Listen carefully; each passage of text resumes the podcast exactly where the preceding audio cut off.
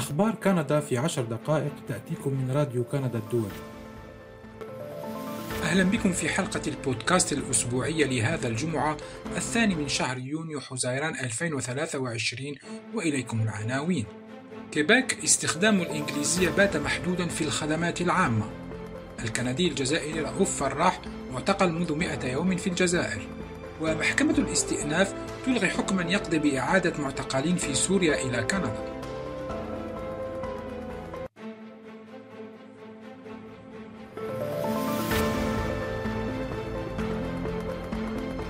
تلزم أحكام جديدة في القانون 96 منذ هذا الخميس الحكومة والبلديات والهيئات العامة في مقاطعة كيباك بالحد من خدماتها باللغة الإنجليزية لمجموعات معينة ما يثير العديد من الأسئلة فيما يتعلق بتطبيقها. ويقر وزير اللغة الفرنسية في كيباك جان فرانسوا روبرج بأن فترة تكيف ستكون ضرورية. أدرك أننا في الأيام الأولى وأنه قد تكون هناك تعديلات لكن الشيء المهم هو احترام بأن كيباك هي الدولة الوحيدة الناطقة بالفرنسية في أمريكا وأن الحكومة يجب أن تكون مثالا وتتواصل باللغة الفرنسية مع المواطنين أوضح الوزير روبرج في مقابلة مع إذاعة راديو كندا. وذكر بأن فئات معينة من الناس يحق لها الحصول على الخدمة باللغة الإنجليزية. ومن بين أصحاب الحقوق حسب الوزير روبرج الجالية التاريخية الناطقة بالإنجليزية في كيباك والمهاجرون الذين وصلوا إلى المقاطعة قبل أقل من ستة أشهر. السكان الأصليون والأشخاص الذين لا يقيمون في كيباك والأشخاص المؤهلون لمتابعة الدراسة في المدارس الأنجلوفونية هم أيضا مستثنون من قانون اللغة الرسمية والمشتركة في كيباك الفرنسية المعروف على نطاق واسع بالقانون 96 نسبة للرقم الذي حمله كمشروع قانون. سواء عند مكتب الاستقبال أو على الهاتف يجب أن نتحقق من خلال طرح الأسئلة أن الأشخاص الذين يطلبون الخدمة بالإنجليزية يحق لهم فعلا تلقي الخدمة بهذه اللغة قال الوزير روبرج إلا أن تطبيق هذه الأحكام المنصوص عليها في القانون الجديد الذي يعتبر إصلاحا لشرعة اللغة الفرنسية سيكون صعبا في بعض الأماكن ومن بينها منطقة مونريال الكبرى وبعض المدن التي تضم العديد من الناطقين بالإنجليزية. في مونريال منذ يوم الخميس يتم توجيه المواطنين الذين يتصلون بالرقم 311 إلى رسالة صوتية تشرح الواجبات الجديدة للبلدية في عملية التواصل مع سكانها. كما يتم تعداد قائمة المجموعات التي تشكل استثناء عن القاعدة والتي يحق لأفرادها الحصول على خدمات بالإنجليزية. ورقم الهاتف 311 يتيح للمقيم في مقاطعة كيباك الحصول بسهولة على خدمات بلدية المدينة التي يقيم فيها. وأعربت عمدة مونريال فاليري بلونت عن موقف إدارتها من القواعد الجديدة في مؤتمر صحفي. هذه توجيهات حكومة كيباك. من الواضح أننا لسنا نحن من سيقوم بدور الشرطة. قد تم إفهام حكومة كيباك هذا الأمر بوضوح. نحن نفعل ما يجب القيام به حسب طلب الحكومة كما قالت فاليري بلونت عمدة مونريال وتم اتخاذ تدابير مماثلة في مدن أخرى مثل لافال وغاتينو على التوالي ثالث ورابع أكبر مدينة من حيث عدد السكان في مقاطعة كيباك. وذهبت بلديات أخرى مثل لونغوي وشاتوغي إلى ما هو أبعد من ذلك من خلال إزالة النسخ الإنجليزية من مواقعها الإلكترونية. واقتراح استخدام خدمة الترجمة الخاصة بمحرك البحث جوجل للراغبين في الحصول على معلومات بالإنجليزية.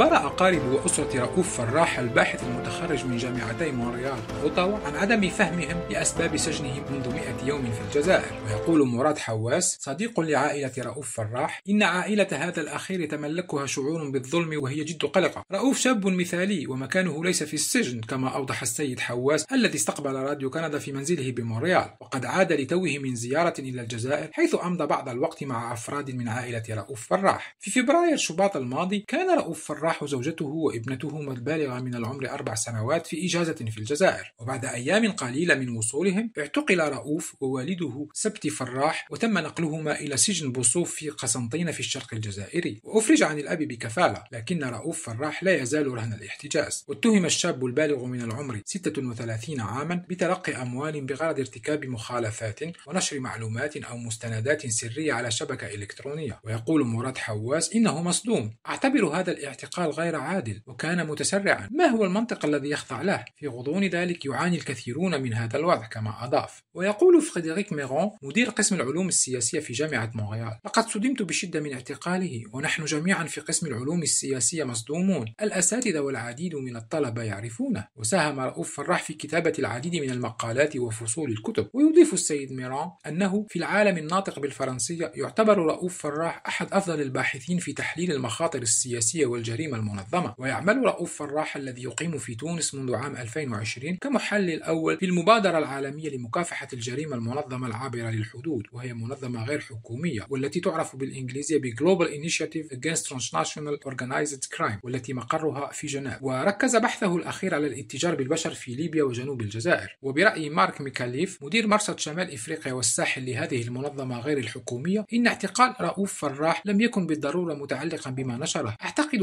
حقا أنه كان في المكان الخطأ في الوقت الخطأ. وتذكرنا قضية رؤوف فراح بقضية الكندي الجزائري لزهر زويمية الذي قضى أربعين يوما في نفس السجن العام الماضي. ولطالما دحض السيد زويمية الاتهامات الموجهة إليه بالإرهاب ويصر على أنه سجن لمشاركته في مظاهرات الحراك الجزائري في مونريال ولإبدائه علنا آراء سياسية تثير استياء السلطات الجزائرية. ويوضح لزهر زويمية أنه كان مع 11 معتقلا آخر في نفس الزنزانة أثناء إقامته في سجن بوصوف. وكانت الظروف المعيشية هناك صعبة للغاية ويؤكد أنه بشكل عام من يدخل السجن يخرج مريضا أو متأثرا بذلك كما قال. وأضاف أنه كان يظن أنه بعد قضيتي ستتوقف هذه الاعتقالات لكن السلطة في الجزائر لا تحب المثقفين. إنها تحب المثقفين في خدمتها لكنها لا تحب المثقفين المستقلين. وفي الشهر الماضي أعربت منظمة العفو الدولية عن قلقها العميق إزاء الاعتقالات التعسفية لمئات من ناشطي المجتمع المدني والمدافعين عن حقوق الإنسان والصحفيين في الجزائر. وبحسب هذه الهيئة قد تمت محاكمة أو متابعة أو اعتقال ما لا يقل عن 12 صحفيا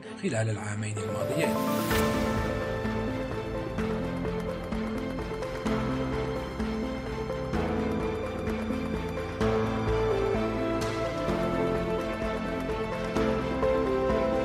ألغت محكمة الاستئناف الفيدرالية حكما صادرا عن أحد قضاة المحكمة الفيدرالية.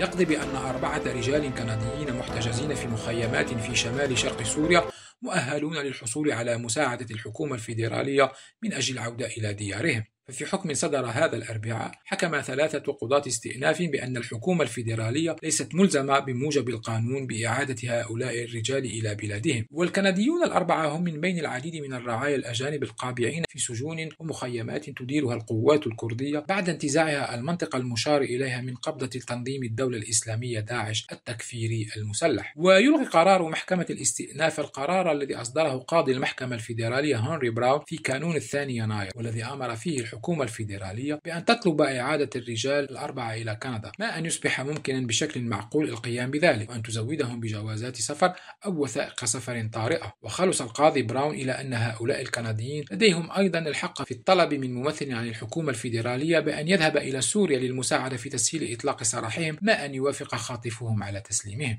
أحد الكنديين الأربعة هو جاك ليتس البريطاني الأصل الذي قاد والداه جون ليتس وسالي لين حملة كبيرة لدفع الحكومة الفيدرالية على مساعدته. من الواضح أن محكمة الاستئناف الفيدرالية اختارت إدامة الاحتجاز التعسفي والتعذيب لابني وللمعتقلين الكنديين الآخرين كما قالت سالي لين. القرار ليس سوى لوم للضحايا ولغة قانونية ضيقة تتجاهل حقوق الإنسان بشكل كامل وتفشل في مواجهة التحدي الحالي. منذ البداية وكندا تمتلك مفتاح الإفراج عنهم وهي ترفض فك أقفال أبواب السجون التي يستعد الأكراد لفتحها لهم كما أضافت. أما هوية الرجال الكنديين الثلاثة الآخرين ووضعهم فلا يزال طي الكتمان. وكانت الحكومة الفيدرالية قد جادلت بأن القاضي براون خلط عن طريق الخطأ بين الحق الممنوح للمواطنين بموجب الشرع الكندي للحقوق والحريات بدخول كندا وبين حق العودة موجدا بالتالي حقا جديدا للمواطنين بأن تعيدهم الحكومة الكندية إلى ديارهم. وأشارت محكمة الاستئناف الفيدرالية في حكمها إلى أن سلوك الدولة الكندية لم يدفع الرجال الكنديين الأربعة إلى التواجد في شمال شرق سوريا كما أنه لم يمنعهم من دخول كندا ولم يؤدي إلى الوضع الذي هم فيه حاليا ولم يتسبب في إطالة أمده. لكن قضاة محكمة الاستئناف أضافوا في حكمهم أنه في حين أن الحكومة غير ملزمة دستوريا أو قانونيا بإعادة الكنديين الأربعة إلى ديارهم فإن قرارهم لا يهدف إلى ثني الإدارة الكندية عن بذل جهود بملء إرادتها للحصول على مثل هذه النتيجة.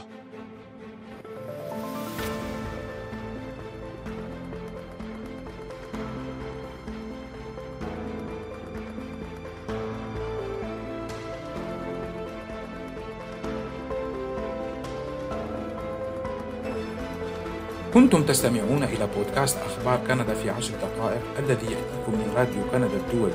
مع تحياتي أنا سمير بن جعفر.